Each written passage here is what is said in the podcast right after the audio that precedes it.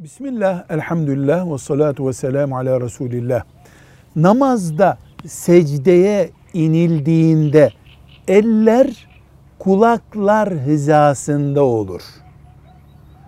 Hanefi mezhebi ulemasının ve pek büyük bölümünün, fıkıh fukahanın büyük bölümünün tavsiye ettiği budur.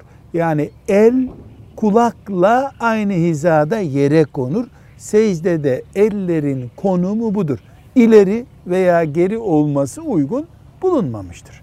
Velhamdülillahi Rabbil Alemin.